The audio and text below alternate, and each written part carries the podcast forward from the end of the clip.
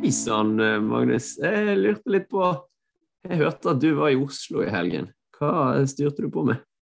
Har du hørt om det svenske rockebandet Ghost?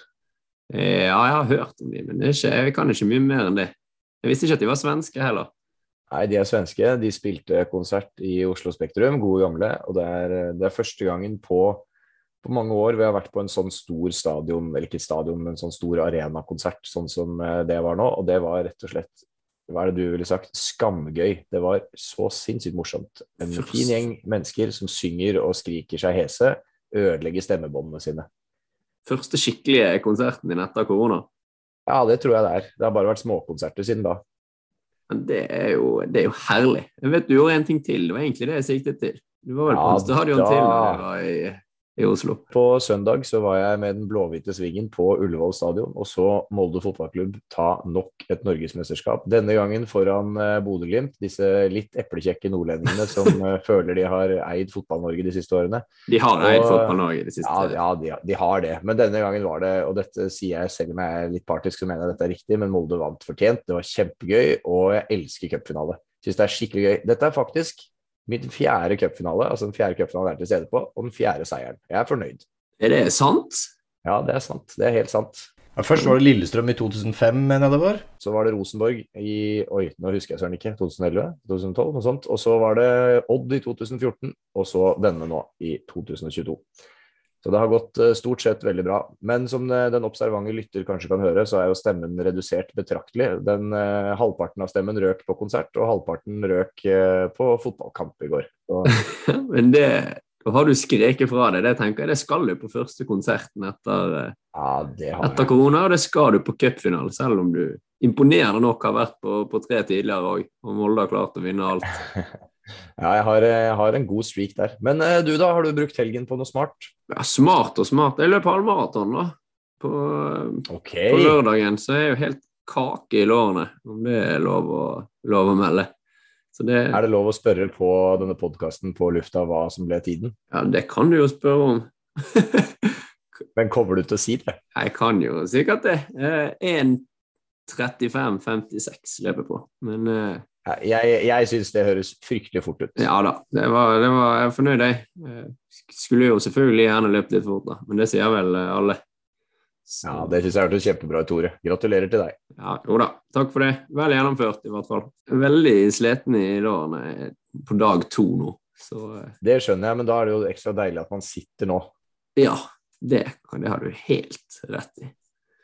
Skal vi kjøre i gang med en en legende som verken har løpt uh, halvmaraton eller vært på konsert i helgen. Fordi at hun uh... Jeg tenker vi skal det, for mine ben har jo også fått kjørt seg på konserten. Så det er to uh, slitne karer som skal lage pod om en legende her. ja. Så jeg syns vi skal fyre i gang. But why some say the moon? Why choose this as our goal? And they may well ask, why climb the highest mountain? It's gonna be legend. Why 35 years ago, fly the Atlantic? Wait for it. We choose to go to the moon. We choose to go to the moon in this decade and do the other things. Not because they are easy, but because they are legendary. Legender lever lenger. En podkast om bemerkelsesverdige enkeltmennesker som har skilt seg ut fra massene og satt sitt preg på historien. I hver episode tar vi her for oss en kjent skikkelse, levende eller død, som ved hjelp av sitt imponerende mot, fysiske talent, skarpe hjerne og eller rene tilfeldigheter har oppnådd en form for legendestatus. Denne gangen statistiker, forfatter og altmuligkvinne Florence Nightingale, den moderne sykepleiens mor. Har du et forhold til hun fra før? Nei, Det er egentlig bare navnet, for å være helt ærlig. Jeg visste, jeg visste, faktisk ikke den statistikkbiten, men jeg måtte lese litt om henne før vi begynte i dag. Og det er jo for så vidt kanskje det jeg burde ha kjent til henne på, men det er, det er den sykepleierbiten jeg har hørt om, altså. Og så syns jeg navnet er veldig kult. Det er, det er, et navn man merker seg og husker.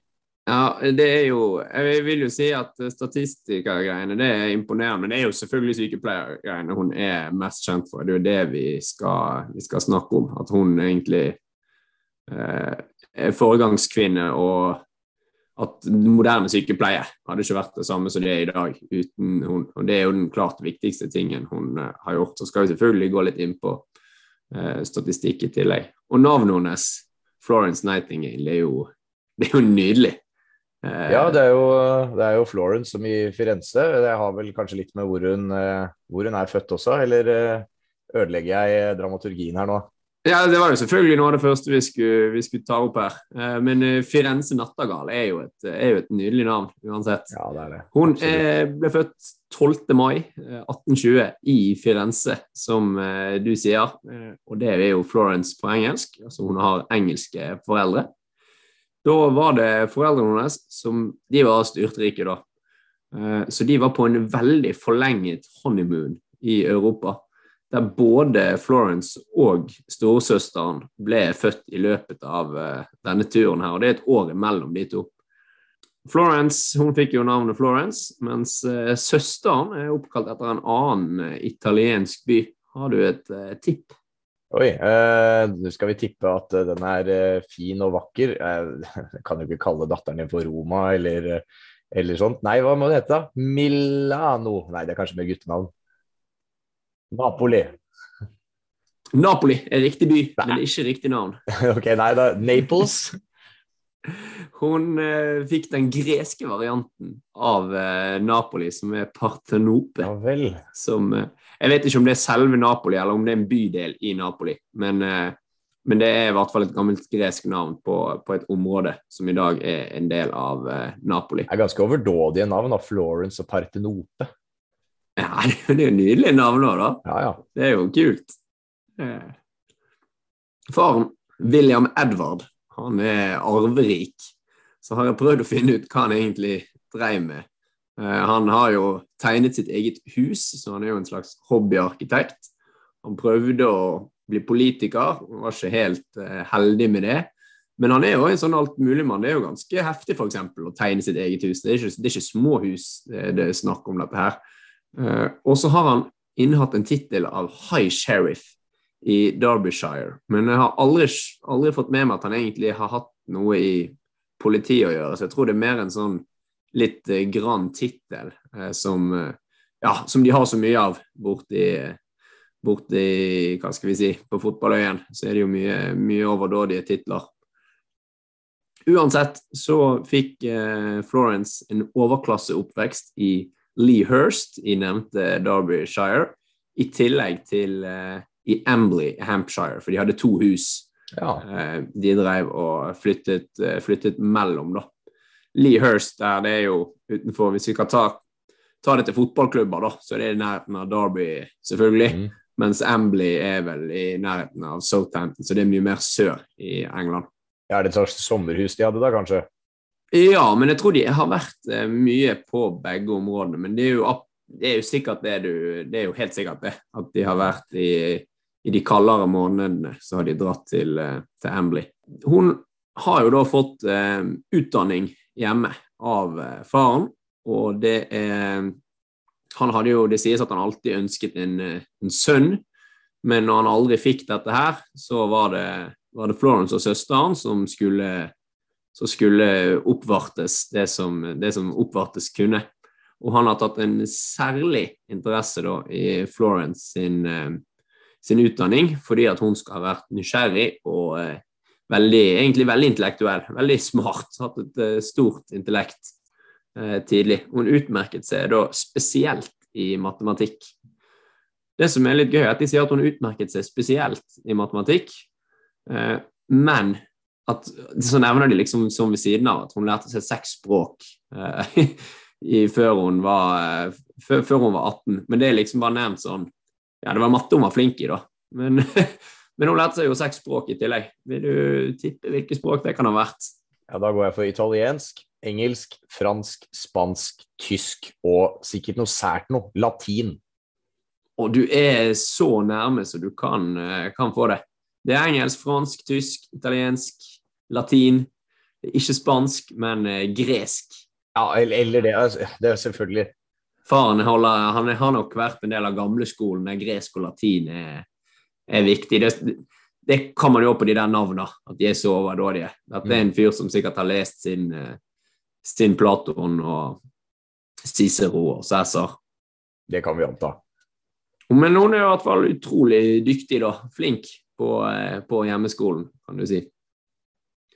Men når hun er ca. 16 år, så får hun et eh, kall, sier hun sjøl, fra Gud. Dette er ikke som et kall på den måten at hun eh, at Gud snakker direkte til henne, sånn som du tenker når du leser om disse englene i Bibelen. Det er mer bare en si, en slags følelse hun får, da, som er, men som kommer eh, på en måte utenfra. Det er ikke foreldrene hennes som sier at dette skal du holde på med. Det, det er noe som kommer eh, kanskje fra hun sjøl, hvis man ikke tror på Gud, mens hun mm. tror det kommer fra, fra, Gud. Men det er ikke noen sånn åpenbaring med brennende busk og, en, og, eh, og sånne ting som det, da. Eh, det kallet er i hvert fall at hun skal redusere menneskelig lidelse. Det er det hun skal bruke sitt liv på. Det finner hun altså ut i en alder av 16 år. Det er jo et skikkelig bra kall å få. Mer av de kallene der, da. Det tenker jeg, De kallene er kanskje bedre enn bedre enn mange andre kall man kan få om eh, brennende busker og forbud mot å spise eh, reker og gris. Men, Nei, eh, eller, eller kall som er tar livet av masse mennesker denne torsdagen uten å ha noen spesiell grunn. Ja, spesielt de kallene. Det er jo kanskje ikke, det er jo ikke noe galt å ville holde seg unna reker og gris, men ja. Sånn er rett og slett skadende kall, som det du snakker om der. Men vi kan være enige om at redusere menneskelig lidelse det er et nydelig kall. Eh, så eh, hvis, eh, hvis, Gud skulle finnes, så tenker jeg det er, det er sånne kall han burde gi flere av. Så det kan vi oppfordre han eller hun til. Flere sånne kall. Og det er da i hvert fall hun finner ut hva skal hun gjøre for å redusere menneskelig lidelse. Da vil hun bli sykepleier.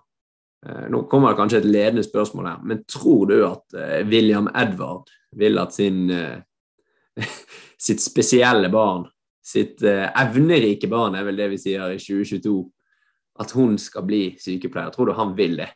Dette uh, blir fryktelig vanskelig, men jeg tipper nei. Nei! Nei, nei, nei. nei, nei. Det, det er egentlig ganske uaktuelt at hun skal bruke, bruke sin, uh, sin, tid og sin, sitt intellekt og sitt liv på å være sykepleier. Og så snakker jo jeg i starten her om at sykepleie sånn som det er i dag, eh, profesjonelle yrke. Sykepleier kommer egentlig eh, av hun, men det er jo eh, sykepleiere før dette. Men det er, det er, da veldig et uprofesjonelt yrke som er sett på som eh, veldig, veldig lav status. Et skikkelig skittent yrke er det sett på. Det er ingen, det er ingen overklassekvinner som søker seg til det, til det yrket. Dette vet jeg ikke, men jeg mener jeg har lest at det er litt sånn tradisjonelt at de gjerne reiste med hærer og en del sånne ting for å, for å pleie og stelle. Uh, at det ikke nødvendigvis ja, som du sier, at det var litt sånn et løst yrke, hvis man skal kalle det på den måten. At du heller vandret litt rundt og bidro der det trengtes. Kanskje mm, hadde ja. litt peiling på noen bandasjer og urter. Ja, hvis du, hvis du hadde det. Uh, og hvis du reiser rundt med hæren, så er det jo uh, de er jo vel så ofte, disse, disse, som var sykepleiere, de var vel så ofte også prostituerte ja, og kopper og alt mulig i en salig blanding. Så det er ikke et uh, høystatusyrke. Uh, ikke noe han William Edvard uh, liksom har lyster veldig på at datteren skal, skal bli. Men hun, hun, prøver jo i hvert fall å bli, på, bli dette her og gjør det hun eh, kan egentlig for å få, for å få eh, denne eh, ja, relevant praksis til det å ha lyst til å bli sykepleier. Hun får mange avslag i flere år av sine foreldre. Hun får ikke begynne på noe sykepleierkurs eller skoler eller det som er, før hun er blitt over 20 år gammel. Så da er det fire år der hun har villet bli sykepleier før hun ble sendt på sitt første to ukers sykepleierkurs i, eh, i Tyskland. Og Da spekuleres det også i at foreldrene ville at hun eh, skulle komme til sykepleierkurset, se hvordan det faktisk er i praksis, og endelig, eh, etter å ha sett det i praksis, ombestemme seg og, og, og bytte. Problemet er at hun trives I hvert fall føler hun nok at hun får gjort det som er kallet hennes. da. Så det blir et nytt kurs i Tyskland året etter, og da er det i tre måneder. Og, eh, Da er man ganske, da er hun solgt til, til yrket, kan du si. Så da eh, har hun vel egentlig vist den standhaftigheten som har trengtes for å overbevise sine foreldre. For nå tar de en, en U-turn, er det det det heter. For nå begynner de å støtte henne i, eh, i sykepleiersatsingen. da. Og via kontaktene til faren så blir hun leder ved et sykehjem i London for pleietrengende eh, kvinner av høy klasse. Så det er ikke typisk det, de, de sykepleierne vi, vi, snakket om i sted som vandrer med her. Men eh, dette er pleietrengende kvinner, du skal ikke behandle noen menn i det hele tatt. og Dette er kanskje kanskje sett på som mer edelt da, enn mange andre sykepleierjobber. Det som uansett er sant, er at hun her gjør en fremragende jobb. Og det er noen enkle triks som vi i dag kanskje kan le av at hun gjør, og som har enorm effekt. Det hun er mest kjent for her på det, på det sykehuset for pleietrengende kvinner av høy klasse, er at hun innfører håndvask. Ja. Det er jo et sånn det er jo en sånn kontroversiell ting i den tiden her, der en del leger bevisst ikke vil eh, vaske hender sånn fordi at de, de, Ja, jeg vet ikke om det Det er ikke sånt de gjør. Det er liksom for forfengelig å vaske hendene mellom operasjoner. Så de går og opererer på eh, pasienter med helt forskjellige sykdommer og forskjellige eh, skader og vansker uten å vaske seg på hendene. Går du fra pasient til pasient i løpet av en hel dag. Det er jo ikke rart at det sprer seg mye, mye, mye bakterier og mye drit. Så det at eh, Nightingale innfører håndvasken her alene, er jo egentlig revolusjonerende. Så hvis hun er flink på andre ting i tillegg, så, så kan man absolutt tro på at hun styrer det sykehuset veldig, veldig bra. Ja. Men da kommer vi til en veldig viktig hendelse i historien her. I 1853 så utbryter det en eh, krig mellom Russland og det osmanske riket. Hva, eh, hvor og hva heter den krigen, Magnus? Vet du det? Det evig aktuelle Krim, da. Vi skal vel til Krimkrigen? Det er det, selvfølgelig. Det evig aktuelle Krim og Krimkrigen. Denne gangen så er det Russland som hevder å skulle forsvare ortodokse kristne i, eh, i det osmanske riket mens eh, Storbritannia og Frankrike vil forhindre russisk eh, ekspansjon.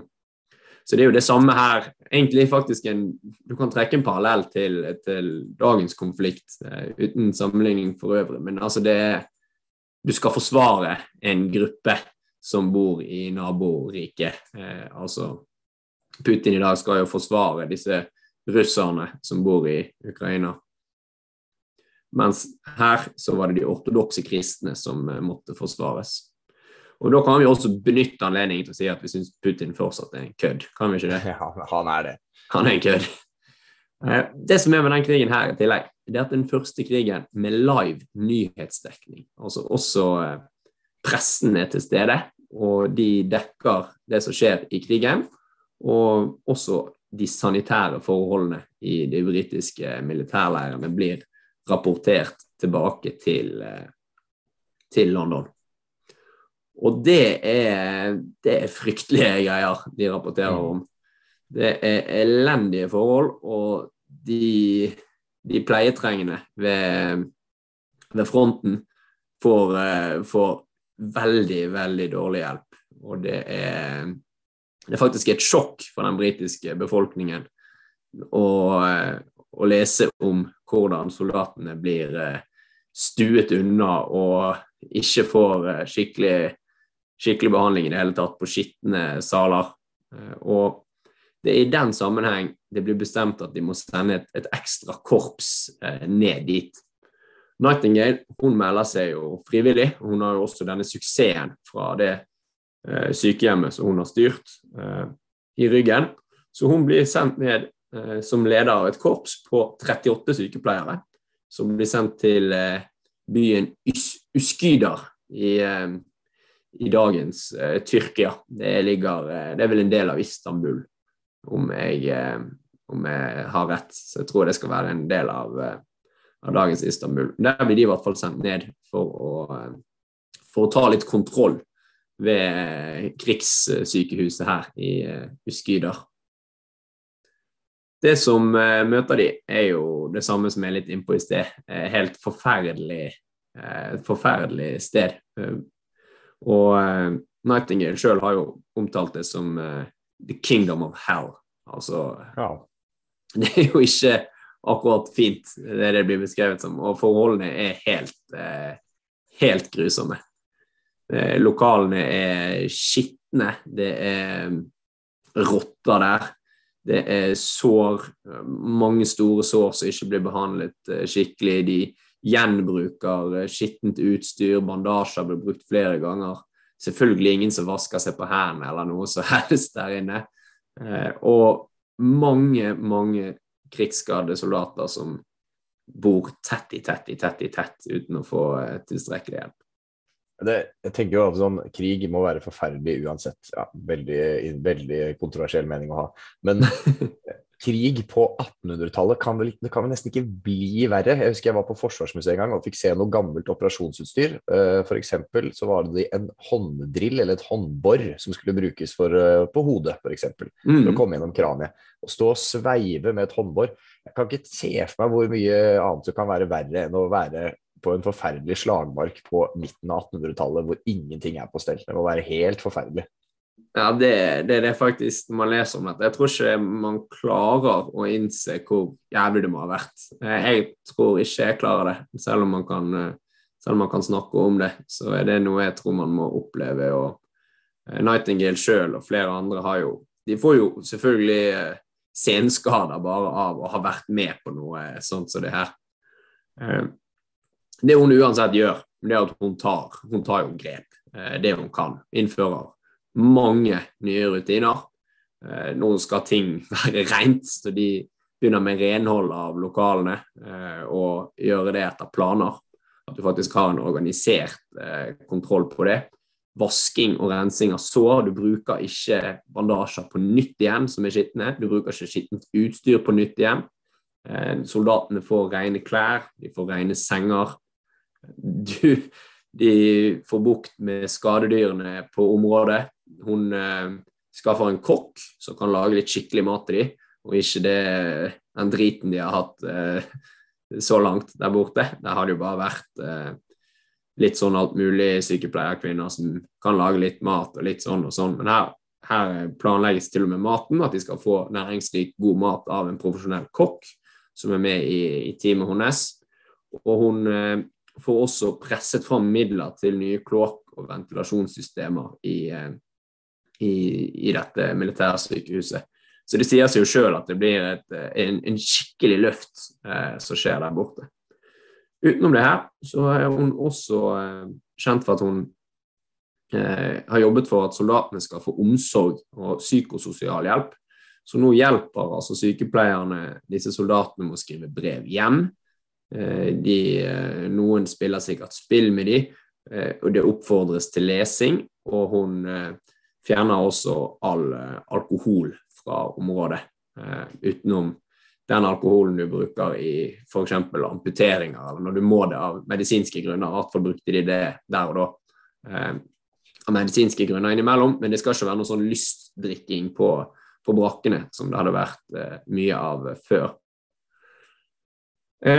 Så det er egentlig en hel masse organisering. Eh, og det er tøffe forhandlinger hele tiden med sivile og militære ledere som hun tar eh, kontroll på. Eh, hun huskes jo først og fremst for den lille biten på slutt der nevner omsorg og psykososial hjelp. Det er det hun er mest kjent for i sin samtid, og hun får tilnavnet da 'Kvinnen med lampen'. Og Det er fordi at om kveldene så går hun rundt med en lampe og oppsøker og snakker med, med alle soldatene. Hun jobber nok i eh, sikkert eh, både 12 og 16 timer hver dag, helt ned til det nivået her. Men det er jo mange andre sykepleiere også i, i militærleiren. Men det er ingen av de som går rundt med, med lampe og snakker om de andre kvinnene, ja, hvor er de? De har ikke lov til å være der eh, etter at uh, lyset Eller etter at solen har gått ned, for hun er jo redd for at de skal ligge med, med soldatene. Og det har de jo gjort tidligere, uh, men det, det, vil hun heller ikke ha noe av, da. Så det er ingen alkohol og ingen, eh, ingen ligging. Men hun får seg jo Hun blir jo virkelig kjent da, fordi at disse soldatene de, jo, de opplever jo denne egentlig Hva skal man si revolusjonen på, på, i sykehjemmet. At det går fra helt forferdelige forhold til litt mindre forferdelige forhold. Kanskje til og med helt OK minus-forhold, om det går an å si. Når du først er i krig og er skadet, så så, det, så er det forbedringer. Og Dette forteller de hjemme om, de skriver det om det i disse brevene. og Hun blir en, eh, egentlig en stor kjendis i, eh, i Storbritannia eh, som leder av denne operasjonen, kan man kalle det det. Hun blir i uh, Tyrkia, uh, eller det osmanske riket, ut hele Krimkrigen. Det er vel i 1856 det, den er ferdig. Og hun er der til hver eneste sårede soldat er skrevet ut av eh, sykehjemmet, før hun eh, også reiser hjem sjøl. Så hun er en av de aller, aller siste som reiser til eh, Storbritannia etter Krimkrigen. Det er nok heller ikke dumt for hennes eh, legendestatus, kan du si. Nei. Hun blir Sannsynligvis ikke. Sannsynligvis ikke i det hele tatt. Denne kvinnen med lampe som går rundt og egentlig har reddet utallige liv ved det sykehuset. Hun blir tatt imot som en superstjerne av det britiske folk og av dronning Victoria.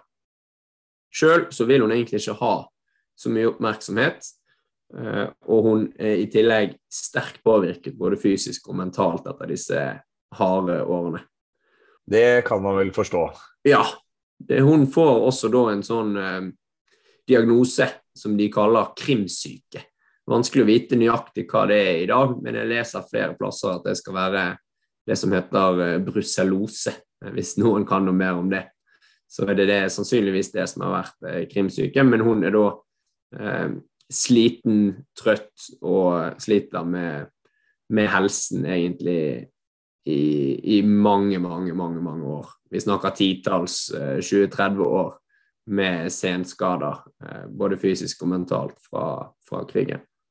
Jeg få skyte inn at brucellose, et lite Google-søk, forteller meg at det er, eh, det er, rett og slett en bakteriell zoonose. Altså det kommer fra dyr over til mennesker. Jeg tenker at en del sykdommer fra dyr overført til mennesker er generelt ting du ikke har lyst til å, lyst til å få. Du kan visst få masse feber og, og skikkelig andre ekle eh, ettersykdommer. Mm. Og det har jo selvfølgelig sikkert med disse rottene og alle udyrene som har vært i, i, sykehuset når hun kommer dit. Eh, og hun er jo også kjent for at hun tok flere turer mot, altså, eh, mot selve kamphandlingene. Så selv om eh, Så hun dro til Krim flere ganger også på mindre på en måte sykehjemsstasjoner, som sikkert har vært drevet mye, mye dårligere enn hennes eh, militærsykehus, eh, eller militærleirsykehus i, eh, i denne tyrkiske byen.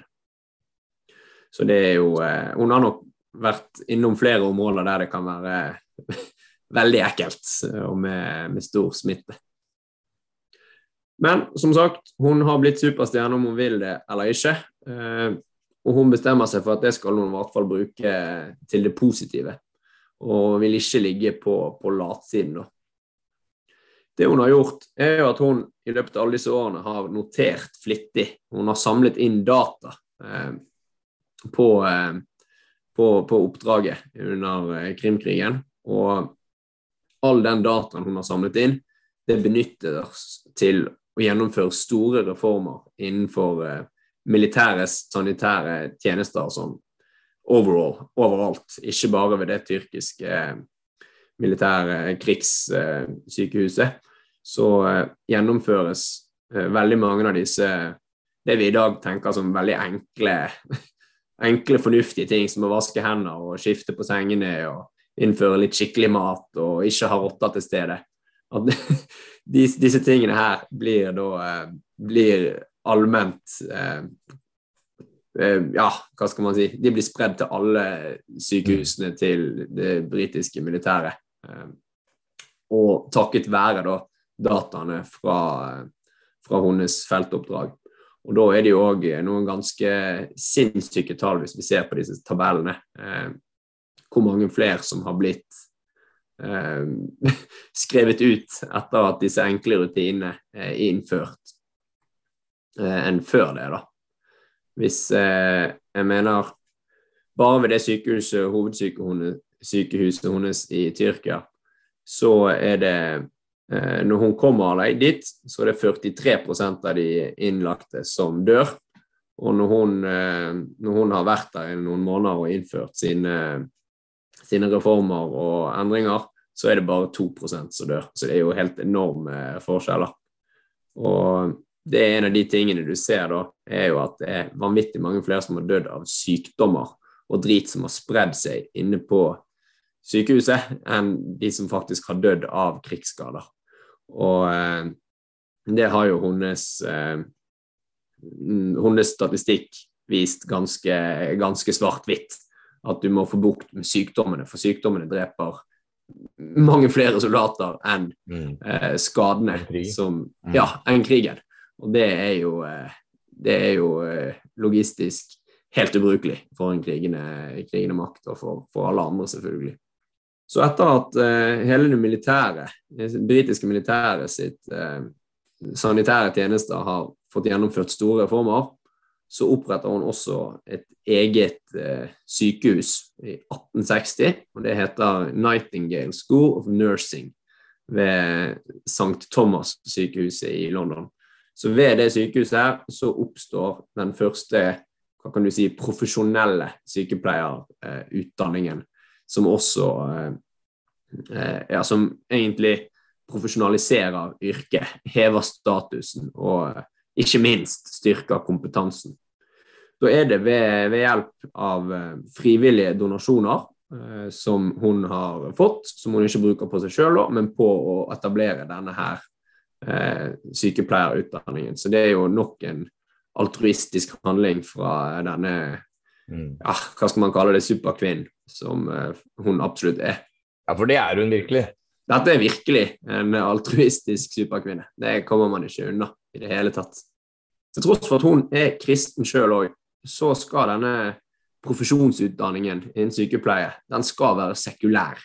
Og Det er et veldig viktig poeng for hun At alle mennesker skal uh, kunne bli sykepleiere, og dette skal kunne brukes overalt, ikke bare av briter. heller. hun vil jo at dette skal brukes av alle, og oppfordrer sin, de uteksaminerte sykepleierne da, selvfølgelig til å spre eh, denne læren om disse enkle tingene, som er vaske hender. Så det du kan begynne å snakke om at hun, eh, hun følger det kallet om å redusere menneskelig eh, lidelse, for det gjør hun, eh, gjør hun til de grader.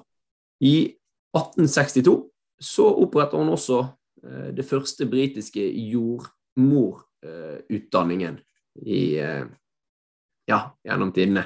Så, så det, er, det, er, stilig. Og både jordmorutdanning og sykepleierutdanning, de profesjonelle formene av dette, eh, kan takke Florence Nightingale for, eh, for, å finnes. Så de yrkene der, hvis du kjenner noen som er jordmor eller sykepleier, så er det står de på skuldrene til Florence Nightingale. Jeg skal sørge for å si det til dem. Resten av livet så skriver hun bøker om sykepleie. Gjør statistiske undersøkelser som gagner fagfeltet og sprer kunnskap om eh, sykepleie, selvfølgelig. Hun søker også å bruke sin privilegerte posisjon eh, og værvilje for nødvendige reformer. Hele resten av livet så kjemper hun egentlig for å, for å utøve sykepleiere, for å spre sykepleiere, for å spre disse ideene sine. Eh, og det er matten og statistikken hun eh, tar i bruk hele veien. Da er det spesielt en type Eh, et, et type diagram som heter Cox-Comb-diagrammet, som hun er kjent for å ha utviklet sjøl. Og det Cox-Comb-diagrammet det brukes fortsatt den dag i dag, og er veldig eh, Det vises, viser ganske enkelt, eh, med mange, mye informasjon på en enkel figur. Jeg syns fortsatt det er litt vanskelig å skulle forklare hvordan diagrammet ser ut, men det er en slags sektordiagram med pizzastykker der pizzastykkene vil eh, også være i noen forskjellige farger, og der du kan se på hvor stor del av pizzastykket er f.eks. rødt, og hvor stort er hvitt. Og da vil det røde eh, f.eks. være antall eh, skadede i krig, mens det hvite vil være de som har dødd av eh, sykdom. Eh, og så kan dette spres på f.eks. måneder eller på, på andre variabler. Jeg syns det var godt forklart. Altså, Når du forklarer et diagram muntlig nå, det var ganske godt gjort. Ja, vi legger ut diagrammet på, på vår nye Instagram, så vi kan uh, legge en liten reklame for uh, her og nå. Følg oss der òg. men, uh, men, der kan dere se hvordan det Coxcom-diagrammet ser ut. det er i hvert fall, når du ser det, veldig enkelt å se, se mye informasjon. Mm. Og det er også dette diagrammet hun har sjøl brukt når hun har fått fram hvorfor vi må innføre den og den reformen. Hvorfor hjelper håndvask? Hvorfor hjelper det med, med, med god mat, med, med, skikkelig sunn mat? Hvorfor hjelper det med vask av seng og generelt mye vasking, egentlig, de hadde slitt med før hun, uh, før hun, tok tak der, da. Uh, når hun blir gammel, så blir hun hedret med Order of Merit, som er en stor, stor greie. Igjen Storbritannia og titler Eh, men hun eh, får også tilbud om offentlig begravelse i Westminster Abbey, og det takker hun eh, nei til. Når hun da er død, 90 år gammel, så er det jo familien som takker nei på hennes vegne, men hun har gitt tydelig klarsignal på at hun ikke skal ha noe overdådig stor begravelse. Det, det vil hun heller ikke ha. Men hun dør i 1910, 90 år gammel.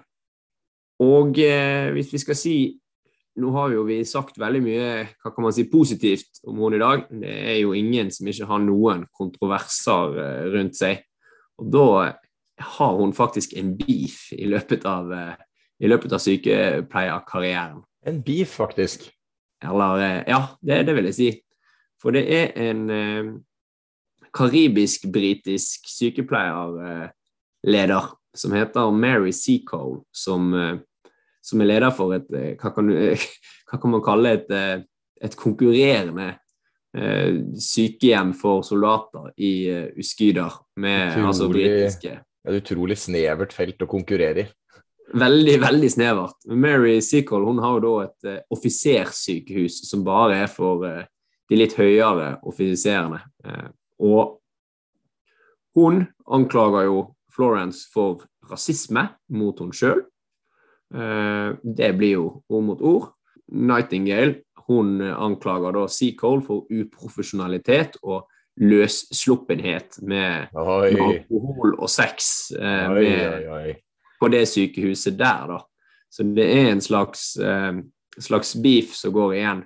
Og da er det jo eh, fordi at Mary Seacole har prøvd å samarbeide med, med Florence i utgangspunktet, og så har ikke Florence villet eh, ja, godta standarden på Seacole sitt, eh, sitt, sykehus, så er det jo kanskje litt out of character om dette skal være rasistisk, at det er det som er grunnen. Så hvis man, eh, hvis man vil tro på Florence Nightingale, så er det altså uprofesjonalitet og måten eh, Seacole har drevet sitt eh, sykehus på, som gjør at hun ikke vil samarbeide med henne, og ikke rasisme, eh, som da Seacole hevder, som er, som er litt, eh, litt, mørk. Eh, hun har jo karibiske røtter. Mm. Men det er vi jeg aner jo ikke. Men jeg tenker det er verdt å nevne det. Nå har vi snakket om eh, denne kvinnen som nærmest er en eh, superkvinne og en helgen. Så var det, kan det være noe kontroversielt her òg.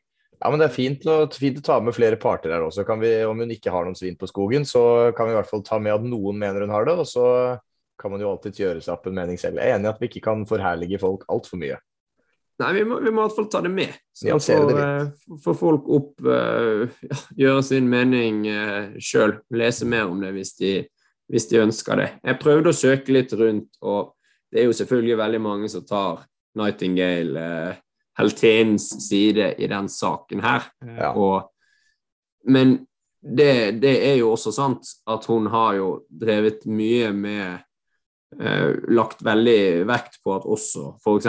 svarte skal ha skikkelige sykepleiertjenester og sånne ting. Så, det, så hun opptrår ikke rasistisk jevnt og trutt gjennom karrieren, selv om eh, Seacole her mener at hun skal ha, uh, skal ha vært rasistisk overfor hun. da. Mm. Det kan jo like godt være Nei, det det er, ikke godt å si. Så det blir jo bare spekulering fra min side. Det kan jo, men det kan jo også være sjalusi fra ja. Seagold sin side. Men det, det, er veldig vanskelig for oss å, å vite så mye om. Det uansett kan vite, eh, og som jeg skal avslutte med før du går over på din eh, topp bunn tre, som jeg er spent på. Jeg er spent på hva det er for noe i dag. Men det er at 12. Eh, mai, som er fødselsdagen til Florence Nightingale, og det er den internasjonale sykepleierdagen. Oi! Er det pga. henne? Det er pga. hennes ja. fødselsdag. Og det er jo også hun som da langt på vei har profesjonalisert det yrket og gjort det til det yrket det er i dag. Det vanvittig viktige yrket som vi kan benytte litt tid til å si nå. Eh, det er imponerende arbeid. Vi gir honnør eh, til alle sykepleiere og jordmødre og ja, andre helse, helsearbeid, leger selvfølgelig. Og, ja, jeg nikker anerkjennende her. Ja, terapeuter og det som er. Det er, det er veldig viktige jobber. Mm, men eh, med det så får vi en topp bunn ja, og i dag så er den, eh, er den litt, uh, litt fiffig, hvis man skal si det. det den er, I dag er den mest, mest for at vi skal kunne fnise litt. For i og med at Florence Nightingale er vel så kjent for Eller kanskje ikke vel så, men i aller høyeste grad også er kjent for statistikk, så måtte jeg prøve å finne litt morsomme tallmessige fun facts. Og dermed så havnet jeg inne på det internasjonale nettet, som ledet meg inn til noe som heter Statistic Brain Research Institute.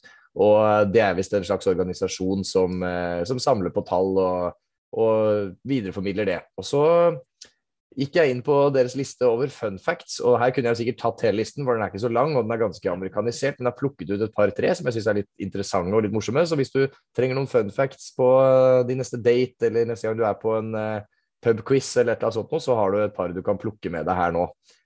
For uh, den, en av de første jeg har hentet her, det er rett og slett det at eh, den kvinnen som har rekorden for flest fødte barn eh, Har du lyst til å gjette hva som er rekorden her, Tore? Er, det, er, det, er, høyt, jeg må bare si det. Det, det, er, det er sikkert kjempehøyt. Nå kan jeg si en ting jeg glemte å få med i sted. og det er at ja. Florence Nightingale hun fikk aldri barn og giftet seg eh, heller aldri. Nei. Men, men eh, ja, skal vi tippe 30 eh, barn? Nei, vi skal langt over 35 barn. 70 vi, barn. Ja, vi, vi, der er vi nesten. Vi skal til alle ungdomsskoleelevers favorittnummer, nemlig 69.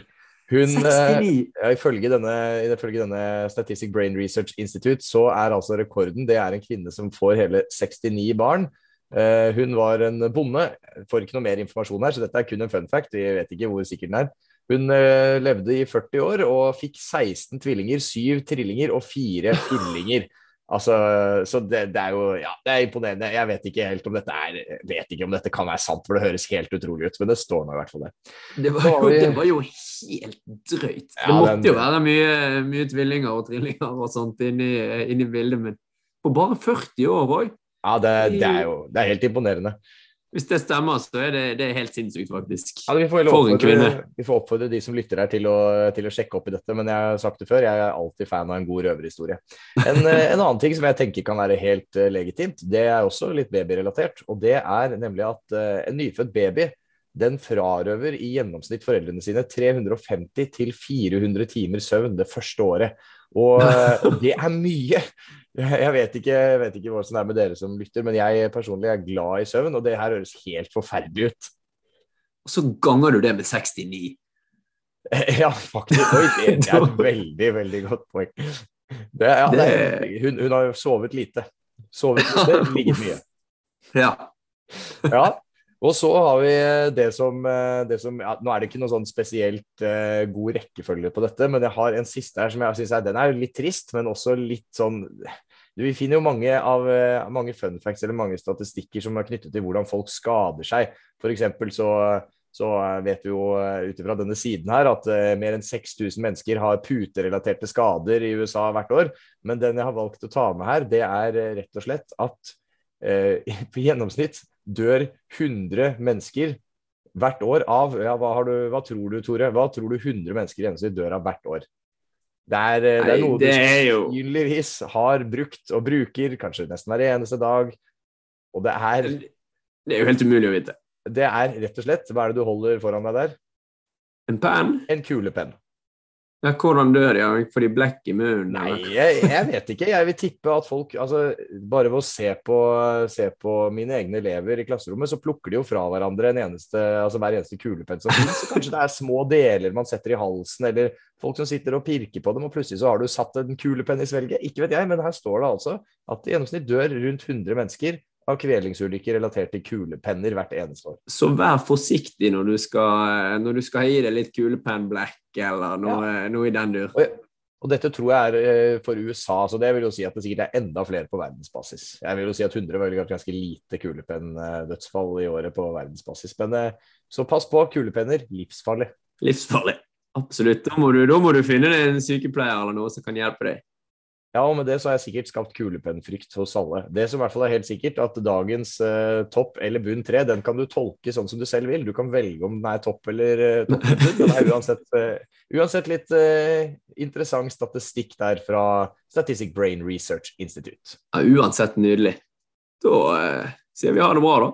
Da runder vi av. Heia Florence. Hei, hei. Heia Florence, ja. Eh, Hei på alle sykepleiere. 12. mai er ikke så lenge til. Ha det bra.